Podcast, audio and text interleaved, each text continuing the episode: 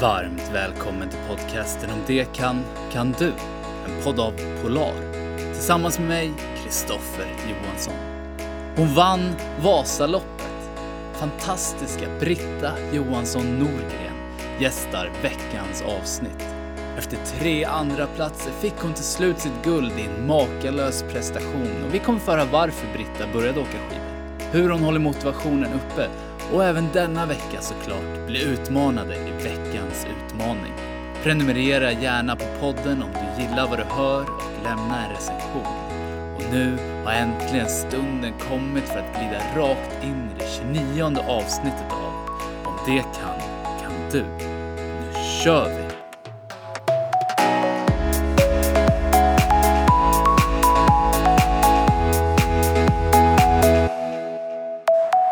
Fantastiskt att sitta här med Britta Johansson Norgren. Kul att vara här. Det blir jättespännande. Hur är läget? Ja, men det är bra. Det är jättebra faktiskt. Eh, Nu är vi här så på läger och man är lite trött men Ja. eh, nöjd att få ha gjort en bra träningsdag. Det är som det ska på läger. Man ska vara sliten, man ska träna. Träna hårt. Ja, men lite. Passa på att få mycket träning och man får ju oftast tid till återhämtning också som det inte är hemma kanske Mm. när det är mycket annat. Så det går att träna lite mer på lägerna. Men det brukar också kännas att man behöver vilan. Man är Ja. trött. Hur hårt kör du med grabbarna i teamet? Ja, jag försöker hänga på så mycket som möjligt. Så jag vet ju att det är inget pass som egentligen är lätt för mig utan det blir ganska tuffa lägen. Men det har, det funkar väldigt bra att få anpassa lite grann när jag kommer hem efter så att det inte blir för mycket heller. Då. Men det, det är skönt att kunna få de här passen som är svårt att göra själv hemma utan det hänga på så mycket det går. Just det. Hur ser det ut i vardagarna hemma då? Det blir ganska mycket själv för det har varit lite enklare så med att jag har en dotter då. Ja. Men eh, sen försöker jag nu, i just jag bor i Östersund och där finns det ju jättemycket olika skidåkare att träna med så att försöker få tag på några. Och numera har jag en från teamet, Anton Karlsson, som är ny i teamet som bor Ja. i Östersund. Så då blir det lite grann att jag kan fråga om jag får hänga med på några pass och ha säll- sällskap så också. ja, kul. Mm. Det, blir, det är spännande för hösten att se. Det är rullskidor hela tiden som gäller nu. Det är ganska mycket rullskidor men jag försöker springa en hel del och en del styrketräning. Och få in lite olika sådär. Men eh, jag är inte jätteförtjust i cykel och det är väl många som kör en del också. Men det har inte riktigt, riktigt fastnat för det. Men det går bra för dig ändå. Mm. Det, det känns ändå som jag har hittat en träningsbelastning som har funkat bra och kunna öka lite grann varje år. Jag har hållit mig ganska frisk de senaste åren så jag hoppas att det fortsätter och Mm. ja, kan utvecklas. Är det en hemlighet till vinsten i Vasaloppet i fjol? Mm. Men, en stor del är ju så från skidåkare att vara träna lagom. Mm. Att det är inte alltid den som tränar mest som blir bäst utan den som tränar bäst för sig. Och Mm. jag tycker att jag hittade en väldigt bra mix med väldigt tuffa pass och hänga på killarna och kanske köra lite hårdare än ja, ibland då sig när man ska köra distansträning så det går lugnt. Och, men jag kan köra hårt några pass men och sen också ta det väldigt, väldigt lugnt när jag är hemma själv. Så att jag har en ganska stor blandning av vad jag tränar. Både i intensitet på passen men också längd på passen. Att jag har pass som är korta och intensiva och sen bara som är en timme egentligen och sen upp till fem timmars pass då kanske. Så en riktig blandning. Har du hållit på så länge? Alltså har du haft den här formen och tränat med killar och så under en väldigt lång tid? Det är väl eh, egentligen sista två åren då när jag kom med i, i lag 157 som det har blivit så. Mm. Men sen tidigare har det varit, jag menar en del, jag tycker det är kul att träna med killar och hänga på så. Så det har väl varit inslag av det tidigare också. Och jag, när jag i klubben som jag tävlar för så var det tidigare bara jag och tre killar också. Så då var det också lite sådär att jag hängde med killarna. Hur ser det ut med, med damer inom längdskidåkningen? Är det en majoritet män som tävlar och tränar? Det är det. Och framförallt långloppen som vi kör så är det en stor del killar. Om man ser Vasaloppet så är det väl 2000 tjejer drygt som startar och är det, 14 000 nästan killar. Shit. Så det är en stor skillnad tyvärr. Det, det blir väl bättre och bättre men det är lite trögjobbat faktiskt. Vad tror du det beror på? Dels är det ju så att det är, det är många som kanske håller på längre med långlopp än eh, vad det gör med traditionell skidåkning och det är Mm. väl lite svårare för tjejer och eh, med tanke på barn och så att ha en längre karriär. Mm. Men jag tror också en del tjejer, eh, killar kan vara bättre på att fixa saker själv. Att ja, men, eh, det ska vara kul att åka ner och köra Marcialonga och så får de ihop någon som kan hjälpa dem med vallning och så åker de ihop ett, tjej, eller ett killgäng. Och jag tror inte tjejer är lika bra på att hjälpa varandra. Så. Mm.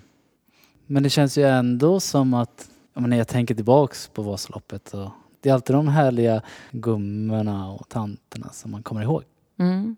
Och jag tycker det är jättekul med Vasaloppet att statusen på damklassen har ju verkligen höjts. Mm.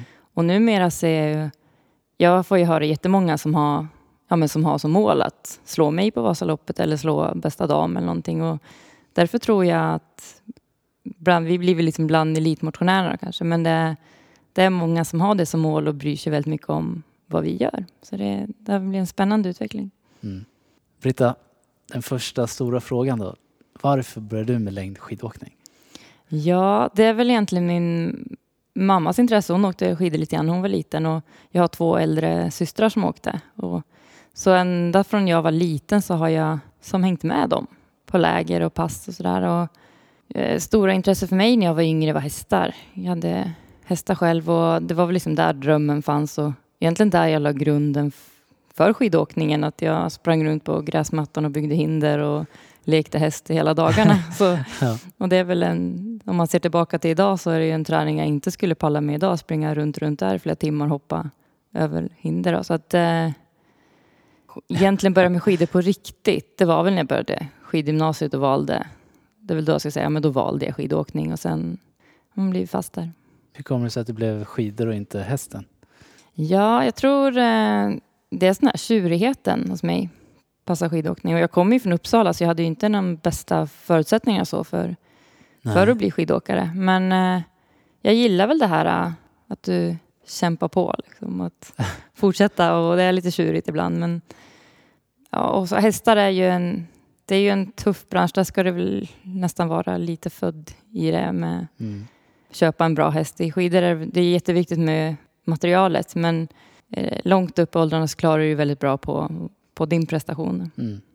Och bara borra ner huvudet och köra. Mm, lite så. Sen har jag ju upptäckt när man blir äldre att det, det kanske inte bara är det utan där är det kunna lära sig det där, bromsa ner lite och gå på känsla och sådär. Men jag tror att det är en bra egenskap att ha med att även om det går tungt inte ge upp och fortsätta. Tror du att det är din fallenhet för att eh, köra på hårt som har gjort eh, att långlopp passar så bra för dig? Ja, men kanske. Att eh, vi är ju lite knäppisar så där, som gillar att man håller på. Om man åker Vasaloppet, det kan nog alla som åker Vasalopp intyga att det är ju inte en, det roligaste man har gjort hela tiden utan det går ju upp och ner och det kommer svackor. Men jag tycker ju om det där med att utmana mig och ha, att ta mig igenom det där och, och glädjen när man har klarat av det och det har gått lite upp och ner. Det är det som är skönt att ta i, i lite mer än vad man trodde att man skulle göra. Och blir det också så då att ja, men ju längre lopp som Vasaloppet är väl det längsta av alla Ski Classics-lopp. Mm. Ta sig igenom en sån grej ger dig bara en större kick efteråt när du har klarat det. Både och. Det är ju som första gången man gör det så är det en enorm kick. Mm. Just för att du klar, åker längre än vad du gjort tidigare eller klarar något nytt. Men sen tycker jag att alla loppen i Ski Classic har sin charm och sin utmaning. Och det är väl just därför jag tycker om långlopp. För att alla loppen är faktiskt en utmaning att klara av. Mm. Tuffaste loppen kan ju vara ett lopp, ja men det är en, kanske inte det längsta, men det är nysnö och jättejobbigt eller det är på höjd så blir det Mm. genast ganska mycket tuffare. Så att det, det, det, alla har sin karaktär och för mig har kanske de här backigare loppen varit större utmaning resultatmässigt och då blir det en utmaning för mig eller motivation i träningen att bli bättre på det också. Mm. Hur kommer det sig att du har hållit motivationen uppe då? Under alla dessa år som du har hållit på och som du har kört? Ja, det är liksom fascinerande att man har eh, hållit på nu när man ser tillbaka så länge och jag ser väl lite grann att jag är på övertid mot vad jag trodde för 10-15 år sedan. Då skulle jag ju lagt av för något. Inte trodde jag att jag skulle hålla på, jag är ju 34 nu och jag trodde inte att jag skulle hålla på mycket mer än till 30 i alla fall. Nej. Men jag tycker att jag är längre ifrån att lägga av nästan nu mot förut. Att det, det blir svårare och svårare och Mm. det har blivit en livsstil. Mm. Då jag blir känner en knäppis på heltid. Ja, lite så är det nog. Och eh, jag kommer aldrig komma ifrån det där att behöver träningen som en kick. Men jag tycker jag drivs ju väldigt mycket av att, som sagt tidigare, utmana mig och bli bättre och se hur mycket bättre jag kan bli. Och numera är inte resultaten, förut så var det väldigt mycket, ja men det var resultaten som var viktigare. Att jag Mm. man skulle ha, komma till OS eller OS-guld eller vad, de Mm. tankarna. Nu är det mer på vägen vad jag vill. Jag vill bli bättre på det här och det här innan jag lägger av och kan känna mig så färdig man kan göra. Man drömmer ju alltid om att ha den här perfekta sången eller perfekta loppet och det börjar man väl inse att det kommer nog aldrig få vara med om. Men känna att nu har jag blivit så bra jag tror att jag kan eller jag inte jag vet vad som krävs för att bli ännu bättre och jag är inte villig att lägga ner det jobbet och Mm. kan känna mig färdig med Mm. karriären. När ser du det komma? Oh, jag vet faktiskt inte. Jag känner ju mer och mer så här, oh, jag kommer nog aldrig få bli med om det. Det är väl en dröm jag har att det kommer kännas så. Men eh, nu tar jag ett år i taget och ser att det funkar med familjen och alla. Som skidåkare så är det, det är så många som hjälper en runt omkring. Att det, det är ett jobb man ska göra själv men det är också jätteviktigt med alla som hjälper en. Så att det, det, det är liksom viktigt att det är många med på, på resan. Har du alltid haft stöttning runt omkring och folk som du tar hjälp av? Ja, det har jag väl haft. eh, Och framförallt föräldrar, så det har ju all- alltid funnits där och hjälpt. Men tidigare var det nog mycket att jag kunde själv och nästan vägrade ta hjälp för att jag skulle klara det själv. Mm. Men numera ser jag lite tvärtom att finns det de som vill hjälpa mig och är bra på olika saker så försöker jag ta så mycket hjälp som möjligt och då får jag också lära mig väldigt mycket på vägen. Och jag tror att man är inte alltid att ensam är stark utan det, dels tror jag att det blir bättre om man tar hjälp men också så är det mycket roligare att dela framgångarna med, med flera personer. Ja, visst. När blev Vasaloppet en dröm för dig? Att vinna Vasaloppet? Mm, jag vet att jag tänkte för ganska många år sedan att ja, men innan jag lägger av så ska jag åka Vasaloppet och vinna det. Mm. Det var sån här. Men det skulle jag ju sen. Mm. Eh, och när jag väl eh, började åka Vasaloppet så var det ju lite, tog lite tid innan, några år innan jag gjorde det. Det var först tre andra platser där så, så det satt långt inne.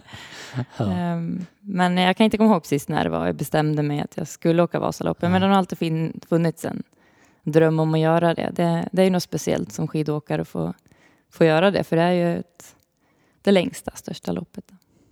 Kändes det större efter tre andra platser att äntligen ta hem det? Jag tror att jag kanske är gladare över för att, jag, att det tog, satt långt inne. Mm. Men just eh, när jag vann så kunde jag mer känna en lättnad än den där eh, riktiga, riktiga glädjen. Det var, det var ganska jobbigt mentalt i vintras. Att det var, dels var det ju några andra platser innan Vasaloppet också så att det blev väldigt mycket fokus på att när ska du vinna och Mm. kommer du kunna vinna Vasaloppet det här året. Det var väldigt mycket prat om just vinna. Och eh, när man kommer i de situationerna tycker jag att det, ganska, det kan vara tufft för att det påverkar ju inte bara själv. Jag kan ju bara göra så bra jag kan. Och är det någon annan som har sin superdag och superskidor och slår en, då är det ju ganska tufft när man ändå känner att jag gjorde vad jag kunde. Mm. Så det är tufft tycker jag att prata just vinster och segrar. Men eh, Mm. det var väldigt härlig känsla när jag var på upploppet och visste att jag hade klarat av det. Det var, ja, den är obeskrivlig. Man är så trött så just då går det inte riktigt att njuta. Men det är, det är som underbart när man tänker tillbaka till det, att ha den känslan. När förstod du att du skulle vinna? Ja, jag vet inte. Det var väldigt... Eh, jag hade ju ganska stor ledning, men jag fick mycket tider, så här, för, eller hejningar från folk runt banan och även teamet. Då, med att eh, de plockade in ganska mycket bakifrån, så jag blev ju lite orolig. Och jag var faktiskt alldeles säker förrän jag är jättenära mål och får segerkransen. Och jag har sett på bilder efteråt att precis innan jag tar kransen vänder jag mig om och kollar så att verkligen ingen är där. Men, och då hade jag ju ändå en och en halv minuts lite drygt ledning. Så att Mm. då säger man lite grann om, fast jag egentligen visste att jag skulle vinna så var jag ändå tvungen att kolla bak bara så att det Ja. är säkert. Ja. Hur blir det nu i år? I april? Ja, med Vasaloppet så uh, kommer jag komma dit och självklart vilja köra för vinst igen. Men eh, jag längtar lite dit och, kom, och komma dit utan den här pressen att inte bli tvåa igen utan bara tänka att nu Mm. vill jag göra all- allting så bra som möjligt och få chansen att kunna bli en dubbelsegrare. Mm. Vilka favoritdistanser har du på, på loppet? Är det något du ser fram emot extra mycket? Eller som du ser fram emot extra lite? Det är lite olika från år till år tycker jag, Ja. just Vasaloppet. Men eh, starten är ju väldigt häftig. Man har som lite sån här härlig ångest och lite förväntan när man står där och så går startskottet och det går väldigt fort i början. Jag tror inte, de som inte åkt Vasaloppet förstår nog inte hur fort vi faktiskt kör Mm. i början för att man ska åka nio mil. Så när man kommer upp efter tre kilometer för backen och det står 87 kilometer kvar och man känner sig att wow, jag har inte mycket kvar att köra med nästan när man är riktigt trött. Mm. Så är det ju tufft. Mm. Men det är lite tjusning i den, tycker jag. Och svackor så där har varit, för mig efter Risberg varje år brukar vara ganska tufft. Lite kuperat och man har faktiskt åkt ganska långt. Jag har åkt 35 kilometer men har fortfarande långt kvar då. Det är väldigt härligt när du kommer till Eversberg och har gjort halva loppet och det är lite lättare ut för där. Då, då, då vet man, då kan man börja räkna ner kilometrarna. Ja, shit. Härligt. Mm. Hur jobbar du med målsättningen och så nu, för din egna del? Jag jobbar väldigt mycket, dels finns det alltid resultat som är så här, ja men vad vill jag uppnå, en, en Mm. dröm. Mm. Men sen väldigt mycket på vägen, att dela upp det i, vad man säga, det är ju någon form av delmål, men att också ha träningsmål, att det här vill jag klara av i träning den här perioden, om det är en månad eller två veckor. Och också vad jag vill förbättra i olika perioder. Så att dela upp eh, att det kan vara, ja men nu behöver jag bli bättre på rörlighet eller jobba på stabilitet, styrka, lite olika sådana mer specifika träningsmål. Mm. Hur kommer det sig att du behöver bli bättre på stabiliteten och styrkan? Men det är så mycket delar som man alltid behöver bli bättre och det kan ju vara ja, men teknik eller all, allt möjligt då. Men det, det utvecklas ju hela tiden och det, det går alltid att bli lite bättre på allting tror jag. ja. Men visst är det, det är stakning hela vägen igenom? Mm, det har ju blivit så att jag har stakat alla loppen sista åren och där är det ju så här, tjura på med det och det inte kommer hålla. Så, så är det väl inte min tanke, men när jag tror att jag kommer åka bättre stakning så kommer jag staka loppen. Mm.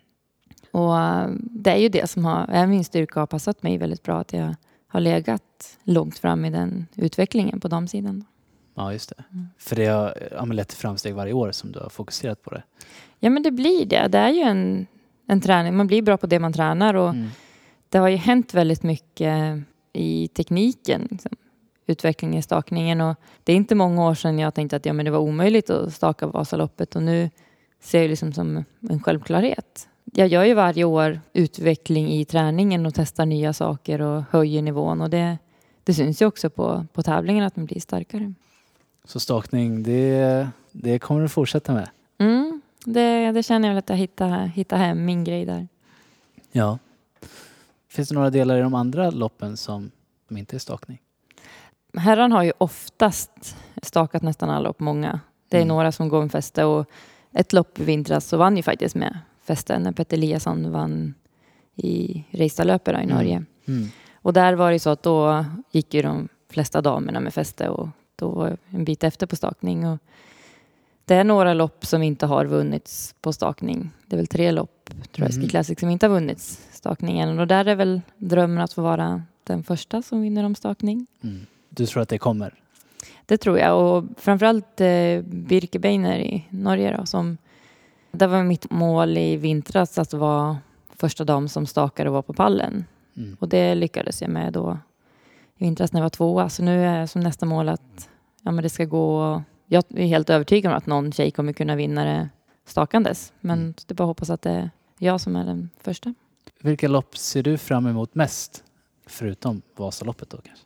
Ja, Vasaloppet är ju som alltid det lite stora loppet så det ser jag fram emot. Mm. Sen är det, ja men just Birken då är ett lopp som jag ser fram emot för att det är en målsättning i träning för mig. Mm. Sen är på något sätt det här första loppet för säsongen, det, mycket, det finns ju också mycket i tankarna. Att det, I november? ja, man längtar ju lite efter det nu, och ska komma och det, när det närmar sig så är det ju mycket fokus på det. Så det blir också så här speciellt test om det har gått så bra i träning som man tror.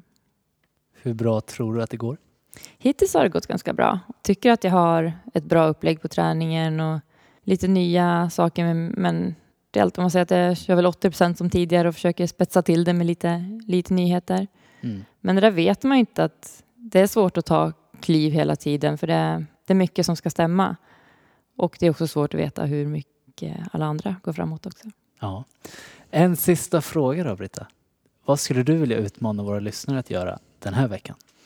Jag skulle vilja utmana dem att eh, rannsaka sig själv lite grann och göra den där träningen som man vet att man innerst inne behöver göra. Men Den brukar få Mm. komma i skymundan för att det är lite jobbigt. Så om, om det då handlar om att köra löpintervaller för det, det där tuffa som man inte riktigt vill göra eller det handlar om rörlighetsträningen eller vad det är. Men Just jag tror det. att de flesta vet innerst inne att det här borde jag träna på men eh, det är inte lika roligt som det andra så att jag Nej. brukar man välja det som är roligast men kanske göra det där jobbiga nyttiga passet den här Den som behövs, den som man vet innerst inne att det här skulle vara nyttigt för mig. Mm. Passa på den här veckan och få det gjort. Wow. Vad har du den här veckan som du behöver göra? Som du vet innerst inne att du behöver bli starkare på? Ja, men den här veckan då eh, passar jag på att eh, försöka hänga med så långt som möjligt på passen. Att verkligen inte ge mig utnyttja killarna till att se det som lite grann som det är på långloppen. Att även om det är tungt ett tag så häng i så kanske det går lättare efter ett tag och hänger med hela vägen. Så Ja. det, det är väl mitt fokus den här veckan. Men sen också när är, vi har hjälp av de som kan filma och kolla teknik att vara noga med och få med sig grejer hem som man kan jobba med tekniskt. Tufft. Så veckans utmaning är att rannsaka sig själv. Det kan handla om att eh, du behöver göra en rehabövning. Precis. Ja, men det som är lite obekvämt att göra. Mm. Det vet vi alla vad det är. Det jag tror innerst inne så vet vi oftast vad det är, men vi vill inte inse det eller ta tag i det riktigt. Så ta tag i det och njuta av det efteråt när det är gjort. Mm. Britta, jättekul att du var här idag. Mm, tack detsamma, jättekul att vara här. Tusen tack för att du var med. Du har lyssnat på Om det kan, kan du. En podd av Polar. Nästa vecka gästar en otrolig gäst. Alexander Majorov. Sveriges bästa konståkare genom tiderna. Och då låter det så här. Det är ju alltid kul till en viss gräns, men sen när man kommer upp på elit och elitnivå, då är det, det är mer svett och tårar än vad det är lycka. Vi har även börjat med lyssna-frågor här i podden, så surfa in på Om det kan, kan dus Facebook-sida för att se vilka profiler som stundar och vem du skulle vilja ställa din fråga till. Vi hörs igen nästa torsdag. Ha en strålande vecka tills dess och ett stort tack för att du har lyssnat på Om det kan, kan du.